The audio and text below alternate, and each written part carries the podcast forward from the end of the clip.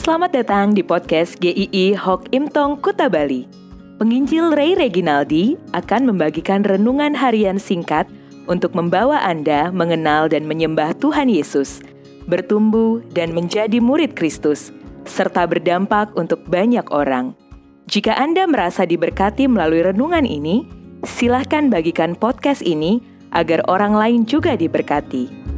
Inilah renungan hari ini.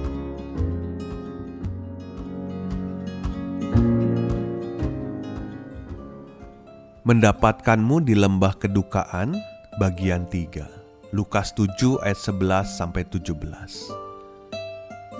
Arsis Sproul mengatakan jika ayat Allah melawat umatnya adalah satu-satunya di dalam perjanjian baru itu cukup untuk membuat kita menari di sepanjang sisa-sisa hari kita bahkan ketika kita menghadapi kematian karena Allah yang kita percaya bukan saja berbelas kasihan, tetapi Dia Allah yang bertindak, Allah yang memberikan kehidupan kepada yang mati, sukacita dari penderitaan. Ada dua kalimat respon dari orang-orang yang menjadi saksi kebangkitan dari anak tunggal dari janda Nain. Dikatakan seorang nabi besar telah muncul di tengah-tengah kita dan Allah telah melawat kita. Mereka menyadari bahwa ini adalah perbuatan Allah. Mereka tidak mengatakan pada peristiwa sebelumnya, sekalipun itu juga sebuah peristiwa spektakuler, ketika seorang hamba dari perwira disembuhkan. Tanpa Tuhan Yesus menyentuhnya, tanpa datang ke tempatnya dari jarak berkilo-kilometer, kesembuhan itu terjadi. Kebangkitan itu terjadi karena Allah saja. Orang-orang itu belum menyadari bahwa Tuhan Yesus adalah Allah itu sendiri, bukan hanya seorang nabi, tapi Dia adalah Allah. Saat Tuhan Yesus hadir dalam lembah kedukaan seseorang, Dia merasakan, Dia menghiburkan, dan memberi kehidupan. Tuhan Yesus sangat serius dengan kematian, karena Dia tahu semua manusia akan berakhir dalam kematian yang mengerikan, yang paling menyiksa tanpa Kristus. Maka Tuhan Yesus sendirilah yang memberikan dirinya untuk mati, menerima murka Allah dihukum. Tapi kemudian dia bangkit hidup selama-lamanya supaya orang-orang yang mati dalam Kristus memiliki hidup. Satu kali saya, istri, dan kedua anak laki-laki kami sedang mengobrol di meja makan. Lalu kami bicara tentang surga. Anak pertama saya berkata, "Ya, kita tenang saja. Kalau kita percaya Tuhan Yesus, kita pasti masuk surga." Tapi anak kedua saya yang waktu itu masih berumur lima tahun langsung menyahut.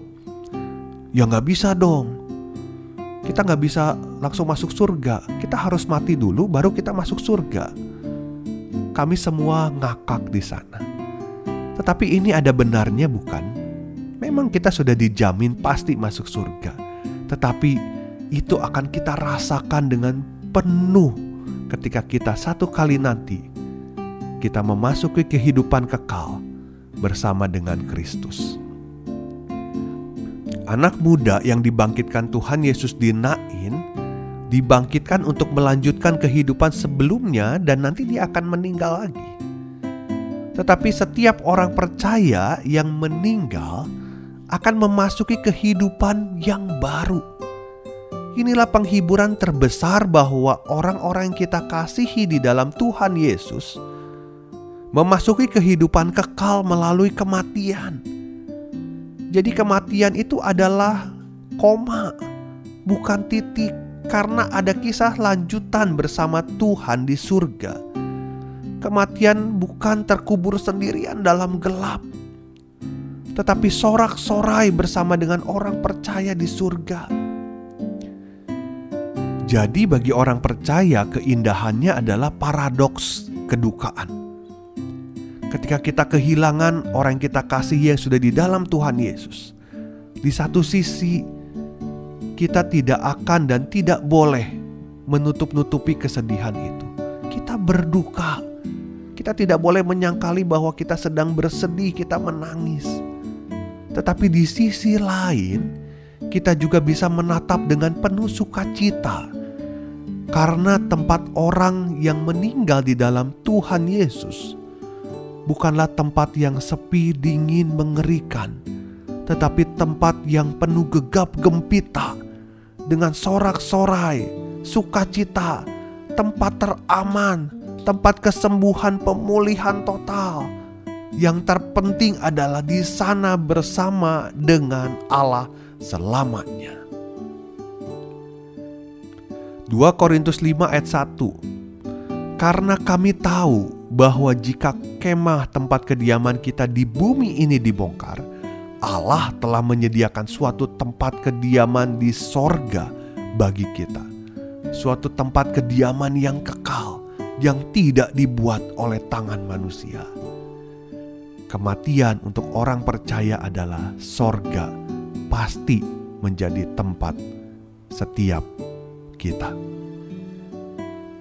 Kiranya Tuhan memberkati, kita akan masuk dalam episode selanjutnya di esok hari. Sampai jumpa.